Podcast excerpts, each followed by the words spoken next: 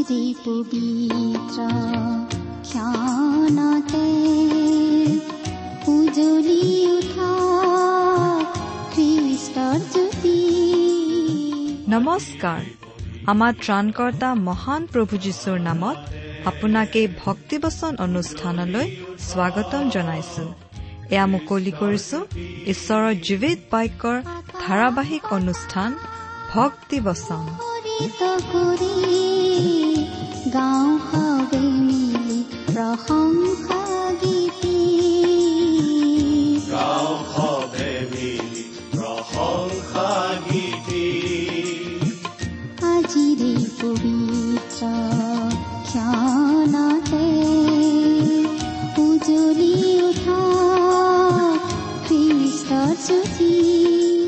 আপোনাৰ জীৱনত যদি শান্তি পাব বিচাৰে তেন্তে এয়া ঈশ্বৰৰ বাক্যৰ সান্তনা বাক্য ভক্তি বচন।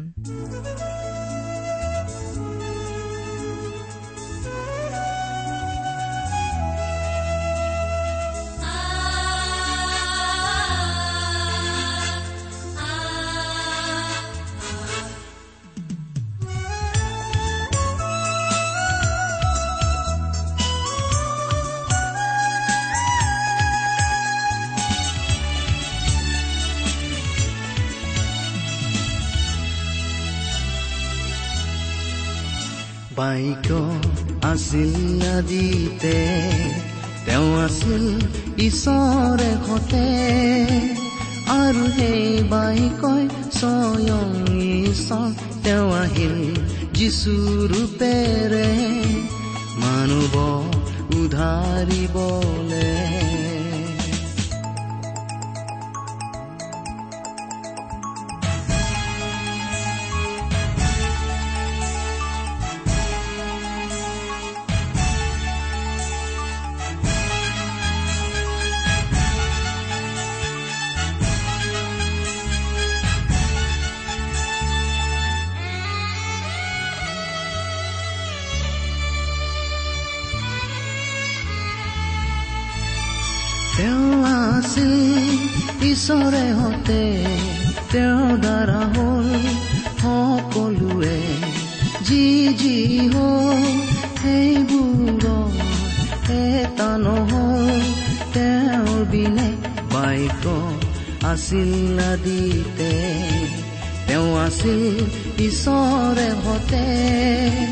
আৰু সেই বাইকই স্বয়ং তেওঁ আহিল যিচু ৰূপেৰে মানুহ উধাৰিবলে আমাৰ মহান ত্ৰাণকৰ্তা প্ৰভু যীশুখ্ৰীষ্টৰ নামত নমস্কাৰ প্ৰিয় শ্ৰোতা আশা কৰো আপুনি ভালে কুশলে আছে প্ৰিয় শ্ৰোতা আপুনি বাৰু আমাৰ এই ভক্তিবচন অনুষ্ঠানটো নিয়মিতভাৱে শুনি আছেনে এই অনুষ্ঠান সম্বন্ধে আপোনাৰ মতামত আদি জনাই আমালৈ চিঠি পত্ৰ লিখিছেনে বাৰু অনুগ্ৰহ কৰি আজি এই দুখাৰিমান লিখি পঠিয়াবচোন। আমাৰ যোগাযোগৰ ঠিকনা ভক্তিবচন টি ডব্লিউ আৰ ইণ্ডিয়া ডাক বাকচ নম্বৰ সাত শূন্য গুৱাহাটী সাত আঠ এক শূন্য শূন্য এক। ভক্তিবচন T W R India post box number seventy Guwahati seven eight one zero' zero' one. আমাৰ website W W W dot radio' eight eight two dot com.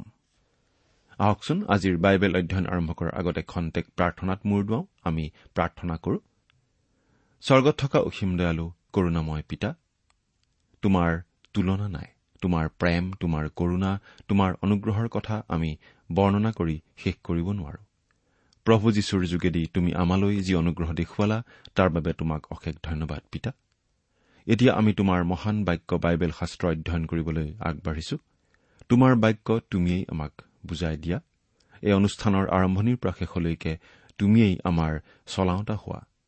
অনুষ্ঠান শুনি থকা প্ৰতিজন শ্ৰোতাৰ জীৱনত তোমাৰ মহান অনুগ্ৰহৰ আশীৰ্বাদ প্ৰকাশ পাই উঠিবলৈ দিয়া। কিয়নো এই প্ৰাৰ্থনা আমাৰ মহান ত্ৰাণকৰ্তা প্ৰভু যীশুখ্ৰীষ্টৰ নামত আগবঢ়াইছো। আমেন।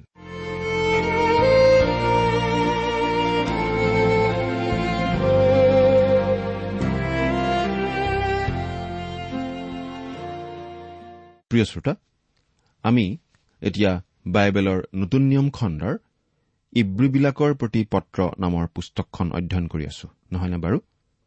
আপুনি আমাৰ যোৱা অনুষ্ঠানটো শুনিছিল নে যোৱা অনুষ্ঠানত আমি বাৰু কি আলোচনা কৰিছিলো? আপোনাৰ মনত আছেনে? যোৱা অনুষ্ঠানত আমি এই ইব্ৰী পুস্তকখনৰ চাৰি নম্বৰ অধ্যায়ৰ তেৰ নম্বৰ পদলৈকে পঢ়ি আমাৰ আলোচনা আগবঢ়াইছিলো। নহয়নে বাৰু? আৰু তাত বিশেষভাৱে ঈশ্বৰৰ বাক্য যে জীয়া কাৰ্যসাধক দুধৰীয়া তৰোৱালৰ নিচিনা সেই কথা আমি আলোচনা কৰিছিলো। আজি আমি এই ইব্ৰী পুস্তকখনৰ চাৰি নম্বৰ অধ্যায়ৰ চৈধ্য নম্বৰ পদৰ পৰা আমাৰ আলোচনা আগবঢ়াই নিব খুজিছো।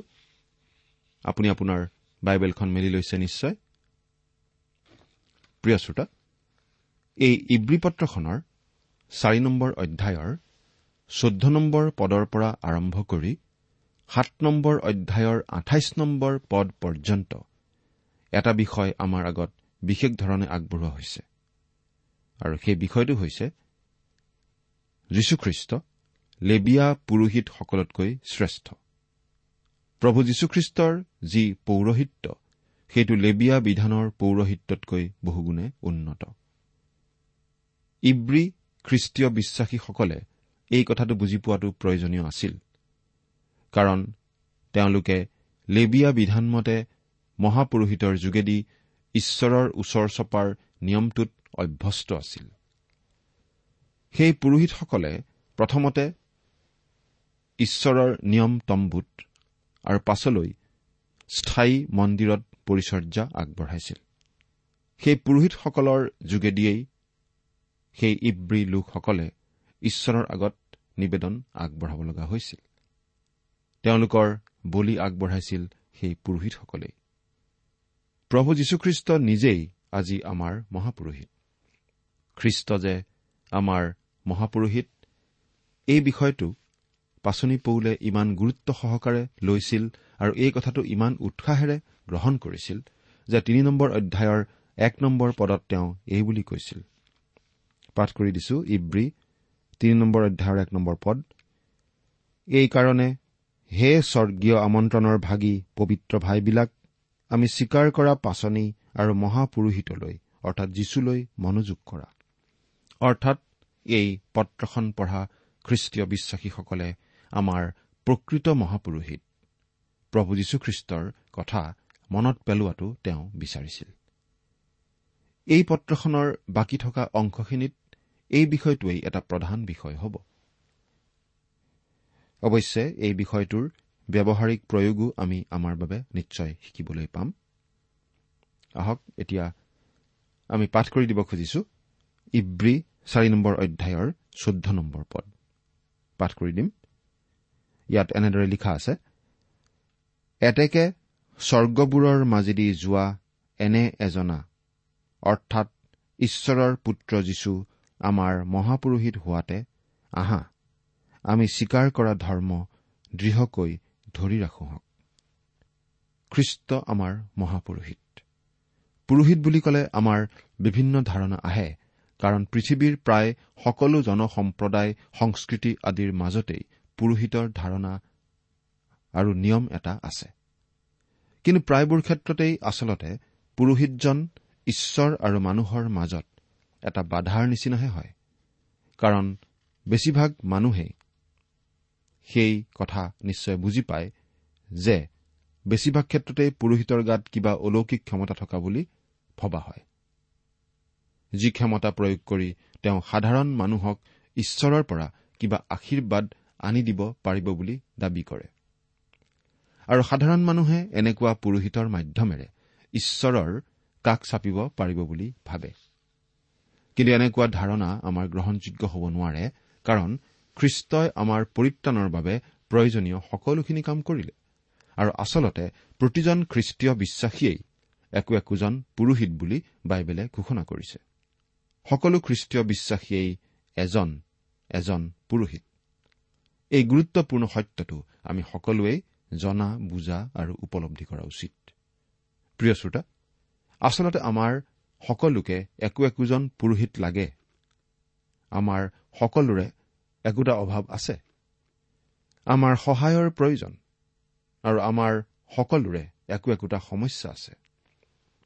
ইউবৰ অন্তৰৰ ক্ৰদন আছিল এনেধৰণৰ। ইউবে এনেদৰে কৈছিল আমাৰ দুয়োৰো ওপৰত হাত দিব পৰা এনেকুৱা মধ্যস্থ কোনো নাই। ইউব ন নম্বৰ অধ্যায়ৰ তেত্ৰিশ নম্বৰ পদ। অৰ্থাৎ ইউবে হাবিয়াস কৰিছিল তেওঁৰ আৰু ঈশ্বৰৰ মাজত থিয় হৈ মধ্যস্থতা কৰিব পৰা এজন মধ্যস্থতাকাৰীৰ কাৰণে যি মধ্যস্থতাকাৰীয়ে এখন হাত ঈশ্বৰৰ হাতত দি আনখন হাত ইউবৰ হাতত দি দুয়োখন হাত লগ কৰি মিলন কৰাব পাৰে। আছেনে কোনোবা তেনেকুৱা মধ্যস্থতাকাৰী? ঈশ্বৰ আৰু মানুহৰ মাজত মধ্যস্থতা কৰিবলৈ প্ৰিয় শ্ৰোতা খ্ৰীষ্টই হৈছে তেনেকুৱা মধ্যস্থতাকাৰী। সেই পুৰোহিত যিজনৰ যোগেদি প্ৰতিজন খ্ৰীষ্টীয় বিশ্বাসীয়েই ঈশ্বৰৰ সন্মুখলৈ যোৱাৰ প্ৰৱেশাধিকাৰ লাভ কৰিব পাৰে। স্বৰ্গবোৰৰ মাজেদি যোৱা এনে মহান এজনা অৰ্থাৎ ঈশ্বৰৰ পুত্ৰ যীশু আমাৰ মহাপুৰোহিত।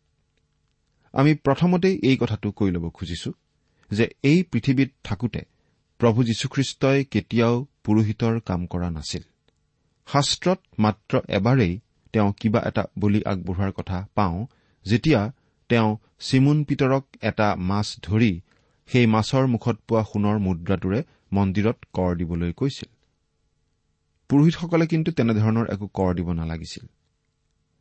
প্ৰভু যীশুৱে সেইদৰে কৰ দিছিল। খুব সম্ভৱ এই কথাটো দেখুৱাবলৈ যে এই পৃথিৱীত থকা অৱস্থাত তেওঁ পুৰোহিত নাছিল।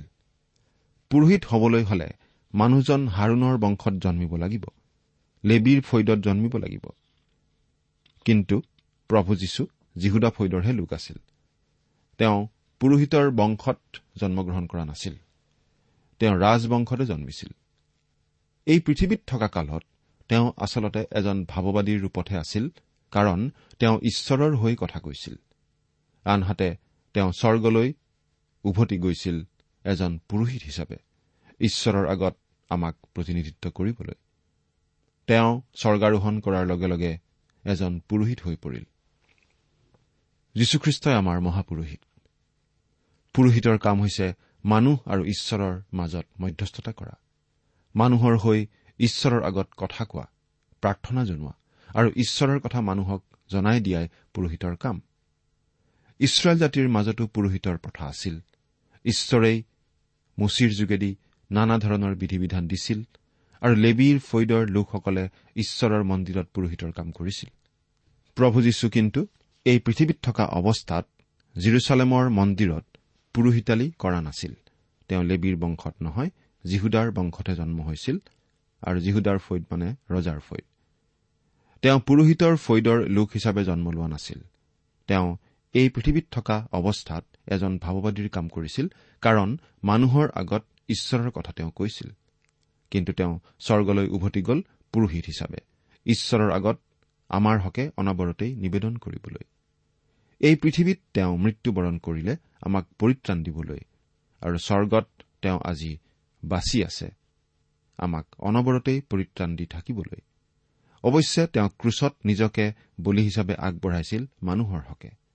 বলি আগবঢ়োৱা কামটো পুৰোহিতৰ কাম কিন্তু আচল পুৰোহিতৰ কাম তেওঁ স্বৰ্গতহে কৰি আছে কাৰণ তেওঁ তেওঁৰ বিশ্বাসীসকলৰ বাবে অনবৰতেই নিবেদন কৰি আছে। খ্ৰীষ্ট আচলতে তিনিধৰণৰ পদবীৰ অধিকাৰী। প্ৰথমটো হৈছে দুহেজাৰ বছৰ আগতে তেওঁ যেতিয়া এই পৃথিৱীলৈ আহিছিল তেওঁ আহিছিল ভাৱবাদীৰ কাম কৰিবলৈ মানুহৰ আগত ঈশ্বৰৰ কথা কবলৈ। আৰু সেয়া আছিল অতীতৰ কথা। দ্বিতীয়তে এতিয়া তেওঁ স্বৰ্গত পুৰোহিতৰ কাম কৰি আছে। আৰু এইটো হৈছে বৰ্তমান কালৰ কথা। আৰু তৃতীয়তে এদিনাখন এই পৃথিৱীত প্ৰভু যীশুৰ পদাৰ্পণ হবহি। এদিন তেওঁ আহিব আৰু তেওঁ আহিব ৰজা হিচাপে শাসন কৰিবলৈ। সেইটো হ'ব ভৱিষ্যতে। আহা আমি স্বীকাৰ কৰা ধৰ্ম দৃঢ়কৈ ধৰি ৰাখোহক। পাচনি পৌলে ইয়াত ধৰি ৰাখোহক বুলি আচলতে আমাক প্ৰত্যাহান জনাইছে। আমাক এই কাম কৰিবলৈ আহান জনাইছে। আচলতে এইটো কৰিবলৈ তেওঁ আমাক আদেশ দিয়াৰ নিচিনা হৈছে। আমি যি স্বীকাৰ কৰিছো সেইটো দৃঢ়কৈ ধৰি ৰাখিব লাগে বুলি কোৱা হৈছে। আহা আমি স্বীকাৰ কৰা ধৰ্মক দৃঢ়কৈ ধৰি ৰাখো হওক। প্ৰভু যীশুখ্ৰীষ্ট আমাৰ মহাপুৰোহিত। তেওঁ স্বৰ্গত আমাৰ হকে নিবেদন কৰি আছে। এই কথা জনাৰ পাছত আমি আমাৰ বিশ্বাসত দৃঢ় হৈ থাকিবলৈ প্ৰেৰণা পাব লাগে। ইয়াত কিন্তু আমাৰ পৰিত্ৰাণ দৃঢ়কৈ ধৰি ৰাখো হওক বুলি কোৱা নাই। কাৰণ খ্ৰীষ্টক গ্ৰহণ কৰা মানে আমি পৰিত্ৰাণ পালোৱেই। কিন্তু আমি আমাৰ খ্ৰীষ্টীয় জীৱনৰ সাক্ষ্য খ্ৰীষ্টীয় জীৱনৰ মানদণ্ড দৃঢ়কৈ ধৰি ৰখা উচিত। আমাক খ্ৰীষ্টৰ হকে জীয়াই থাকিবলৈ কোৱা হৈছে। খ্ৰীষ্টই ইয়াত আমাৰ হকে মৃত্যুবৰণ কৰিলে আমাক পৰিত্ৰাণ দিবলৈ। কিন্তু এতিয়া তেওঁ স্বৰ্গত আছে আমাক পৰিত্ৰাণ পোৱা অৱস্থাতেই ৰাখিবলৈ আৰু এটা ভাল সাক্ষৰ জীৱন কটাবলৈ আমাক সহায় কৰিবলৈ। কিছুমান মানুহে এই বুলি কয় মই খ্ৰীষ্টিয়ান জীৱন যাপন কৰিব নোৱাৰো সেইটো বৰ টান কাম। কিন্তু আমাৰ বাবে এটা সুখবৰ আছে। এই কথা সঁচা যে আপুনি খ্ৰীষ্টীয় জীৱন যাপন কৰিব নোৱাৰে আৰু আপোনাক সেইটো কৰিবলৈ ঈশ্বৰে কোৱাও নাই। মানুহে খ্ৰীষ্টীয় জীৱন যাপন কৰিবলৈ চেষ্টা কৰিলে বিফল হবই। আমি নিজৰ শক্তিৰে সেই কাম কৰিব নোৱাৰো। কিন্তু তেওঁ আমাৰ মাজেদি সেই জীৱন জীৱ বিচাৰে আৰু আমাৰ পৰা তেওঁ সেইটোৱেই বিচাৰিছে। তেওঁ আমাৰ হকে স্বৰ্গত জীয়াই আছে যাতে আমি আমাৰ সাক্ষ্য আমাৰ বিশ্বাস বজাই ৰাখিব পাৰো। আমি এঘাৰ নম্বৰ অধ্যায়ত পাম বিশ্বাসৰ বীৰ কিছুমানৰ এখন তালিকা আৰু বিশ্বাসে যুগ যুগ ধৰি মানুহৰ জীৱনত কেনেধৰণৰ প্ৰভাৱ পেলাব পাৰে সেইটো তাত আমি দেখিবলৈ পাওঁ। সেই তালিকাত থকা সকলোৰে বিষয়ে ভাল কথাই আমি পঢ়িবলৈ পাওঁ। তেওঁলোকৰ ভাল সাক্ষ্য আছিল আৰু সেই সাক্ষ্য আছিল বিশ্বাসৰ যোগেদি। তেওঁলোকে বিশ্বাসৰ দ্বাৰাই যি আছিল। এতিয়া পোন্ধৰ নম্বৰ পদটো পঢ়িম। কিয়নো আমাৰ যি মহাপুৰোহিত তেওঁ যে আমাৰ দুৰ্বলতাত দুখত দূষিত হ'ব নোৱাৰে এনে নহয়। কিন্তু তেওঁ বিনা পাপে সকলো বিষয়ত আমাৰ দৰে পৰীক্ষিত হৈছিল। খ্ৰীষ্ট পৰীক্ষিত হৈছিল। তেওঁ প্ৰলোভিত হৈছিল কিন্তু তেওঁ পাপ কৰা নাছিল। তেওঁৰ আগলৈ নানা পৰীক্ষা আহিছিল কিন্তু তেওঁ পাপ কৰা নাছিল। অৰণ্যত যেতিয়া ছয়তানে প্ৰভু যীশুক পৰীক্ষা কৰিছিল তেতিয়া যীশু সেই পৰীক্ষাত জয়ী হৈছিল কাৰণ তেওঁ মানুহৰূপী ঈশ্বৰ। কিন্তু আমাতকৈ বেছি প্ৰলোভনৰ বোজা তেওঁ সহিবলগীয়া হৈছিল। তেওঁ ক'ব পাৰিছিল এই বুলি জোহন চৈধ্য নম্বৰ অধ্যায়ৰ ত্ৰিশ নম্বৰ পদত তোমালোকে সৈতে মই অধিক কথা আৰু নহম কিয়নো জগতৰ অধিপতি আহিছে আৰু মুঠ তাৰ একো নাই। ছয়তানে আপোনাত মুঠ কিবা নহয় কিবা এটা বিচাৰি পায়। কিন্তু ছয়তানে যীচুত একো বিচাৰি পোৱা নাছিল। বেলুন এটা আমি হাতেৰে চেপি ধৰি থাকিলে এটা সময়ত বেলুনটো ফাটি যাব? যদিহে আমি প্ৰয়োগ কৰা চাপ বেলুনটোৱে সহিব পৰা চাপতকৈ বেছি হয়। আমিও আচলতে তেনেকুৱাই। আমি অত্যধিক চাপ পালে সৈমান হৈ যাওঁ। কিন্তু যীশুৱে কেতিয়াও সৈমান হোৱা নাছিল। গতিকে তেওঁৰ ওপৰত চাপো বেছি আছিল। সেই চাপ বাঢ়ি বাঢ়ি গৈ আছিল আৰু আপুনি বা মই কেতিয়াও সহ্য কৰিব লগা নোহোৱা ধৰণৰ চাপ তেওঁ সহ্য কৰিব লগা হৈছিল। আমি বুজা কঢ়িয়াব পৰাৰ এটা সীমা থাকে। তাতকৈ বেছি আমি নোৱাৰো। কিন্তু প্ৰভু যীশুৱে প্ৰলোভনৰ যি বুজা কঢ়িয়াব পাৰিছিল সেইটো আছিল অসীম। তেওঁক প্ৰলোভন দেখুওৱা হৈছিল। তেওঁ পৰীক্ষিত হৈছিল কিন্তু পাপ তেওঁ কৰা নাছিল। অৰ্থাৎ সকলো ধৰণৰ পৰীক্ষাত তেওঁ জয়ী হৈছিল। কিন্তু তেওঁ যিহেতু আমাৰ দৰেই পৰীক্ষিত হৈছিল গতিকে আমাৰ কেনে অনুভৱ হয় সেইটো তেওঁ জানে। এৰা আমাৰ এজনা মহাপুৰুষিত আছে যিজনে আমাক বুজি পায় আমাক হাড়ে হিমজুৱে চিনি পায় আমাৰ সকলো অভিজ্ঞতা আৱেগ অনুভূতি তেওঁ জানে। আমাৰ এজনা মহাপুৰুষিত আছে যিজনা সকলো সময়তে আমাৰ বাবে সাজু যিজনাক সকলো সময়তে আমি পাব পাৰোঁ যিজনাই আমাক বুজি পায় তেওঁ আমাক ব্যৱহাৰিক দিশৰ পৰাই বুজি পায় কাৰণ এই পৃথিৱীত তেওঁ পৰীক্ষিত হ'ল আমাৰ নিচিনা তেওঁ হ'ল আমাৰ শাৰীৰিক দুৰ্বলতাৰ সোৱাদো তেওঁ লৈছিল। ভোক পিয়াহ কি বস্তু তেওঁ তাৰ অভিজ্ঞতাও লাভ কৰিছিল।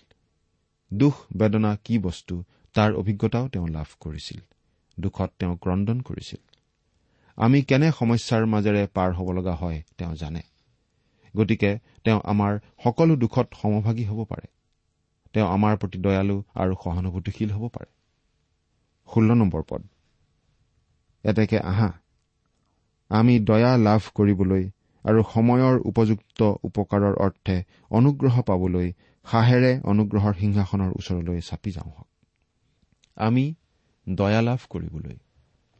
দয়া আমাক প্ৰতিজন মানুহকেই লাগে।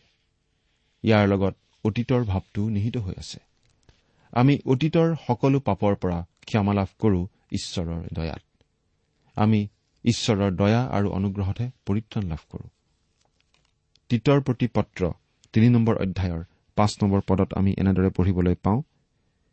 কিন্তু তেওঁ নিজ দয়া অনুসাৰে নতুন জন্মৰ স্নান আৰু পবিত্ৰ আত্মাই নতুন কৰাৰ দ্বাৰাই আমাৰ পৰিত্ৰাণ কৰিলে। ঈশ্বৰৰ দয়াতহে আমি পৰিত্ৰাণ পাওঁ। আৰু সময়ৰ উপযুক্ত উপকাৰৰ অৰ্থে অনুগ্ৰহ পাবলৈ। সময়ৰ উপযুক্ত উপকাৰ। উপকাৰ আমাৰ সকলোৰে প্ৰয়োজনীয়। সহায় আমাক লাগে। ই আমাৰ ভৱিষ্যতৰ সৈতেও জড়িত। আমি ঈশ্বৰৰ দয়া আৰু অনুগ্ৰহত বিপদৰ সময়ত সহায় পাওঁ। ডায়ুদে এই বুলি লিখিছিল জিহুৱা মোৰ ৰক্ষক মোৰ অভাৱ নহ'ব। গীতমালা তেইছ নম্বৰ গীতৰ এক নম্বৰ পদ। অভাৱ নহ'ব।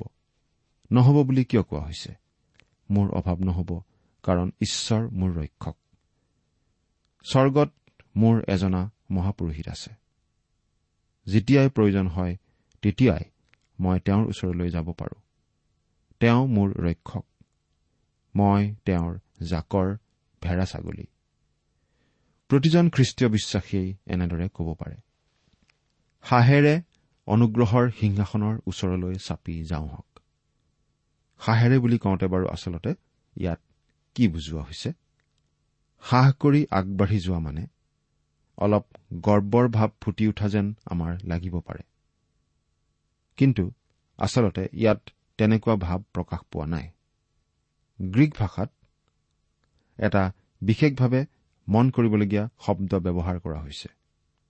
শব্দটো হৈছে পাৰেচিয়া এই শব্দটোৱে বাক স্বাধীনতাক বুজায়।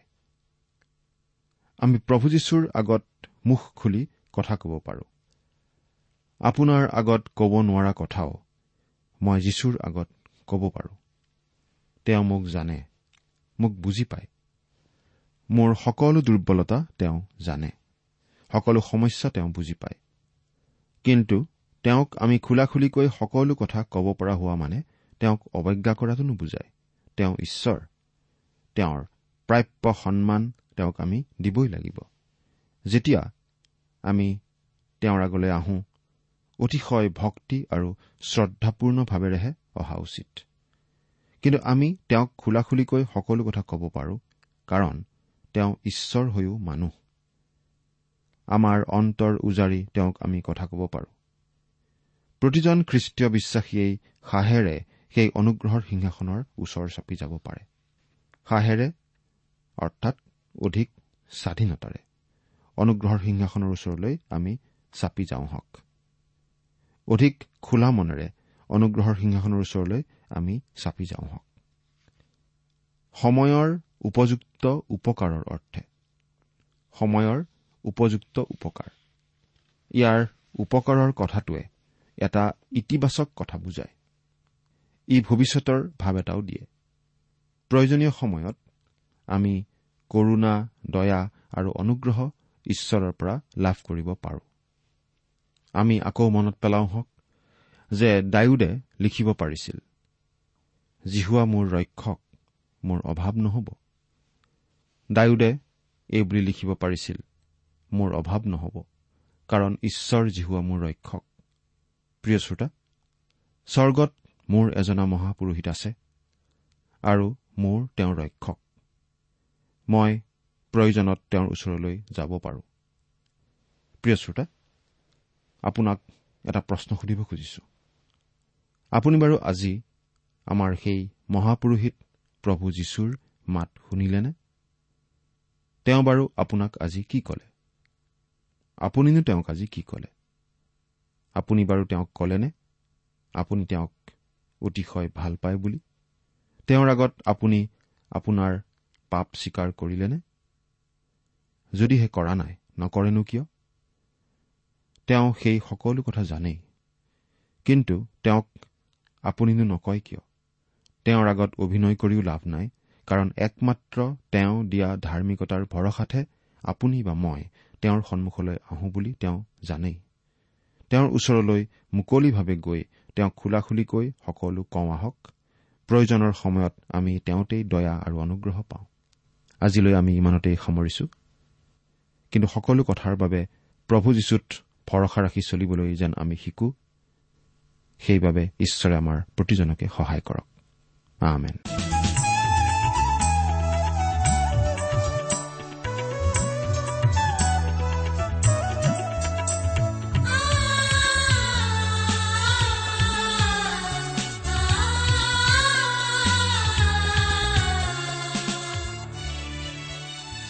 ইমান পৰে আপুনি ভক্তিবচন অনুষ্ঠানটি শুনিলে। অনুষ্ঠানটি শুনি কেনে পালে? আমালৈ চিঠি লিখি জনাবচোন। অনুষ্ঠানত প্ৰচাৰ কৰা কোনো কথা বুজিব লগা থাকিলেও আমালৈ লিখক। আমাৰ ঠিকনা ভক্তিবচন টি ডাব্লিউ আৰ ইণ্ডিয়া ডাক বাকচ নম্বৰ সাত শূন্য গুৱাহাটী সাত আঠ এক শূন্য শূন্য এক। ঠিকনাটো আৰু এবাৰ কৈছো ভক্তিবচন টি ডাব্লিউ আৰ ইণ্ডিয়া ডাক বাকচ নম্বৰ সাত শূন্য গুৱাহাটী সাত আঠ এক শূন্য শূন্য এক। আপুনি ইমেইল যোগেৰেও আমাৰ সৈতে যোগাযোগ কৰিব পাৰে। আমাৰ ইমেইল আইডিটো হৈছে Assamese T TV at radio' eight eight two dot com. আইডিটো আকৌ এবাৰ কৈছো। Assamese T TV at radio' eight eight two dot com. আপুনি টেলিফোনৰ মাধ্যমেৰেও আমাক যোগাযোগ কৰিব পাৰে। আমাৰ টেলিফোন নম্বৰটো হৈছে শূন্য তিনি ছয় এক দুই ছয় শূন্য চাৰি ছয় সাত এক। ফোন নম্বৰটো আকৌ এবাৰ কৈছো zero' three six one two six zero' four six seven one. আজিৰ অনুষ্ঠানটি ইমানতে সামৰিছো। ঈশ্বৰৰ শান্তি আৰু অনুগ্ৰহ আপোনাৰ লগত থাকক। ধন্যবাদ। পৰে বাক্য আছিল আদিতে তেওঁ আছিল ঈশ্বৰে ভতে আৰু সেই বাক্যই স্বয়ং ঈশ্বৰ তেওঁ আহিল যিচু ৰূপেৰে মানৱ উধাৰিবলে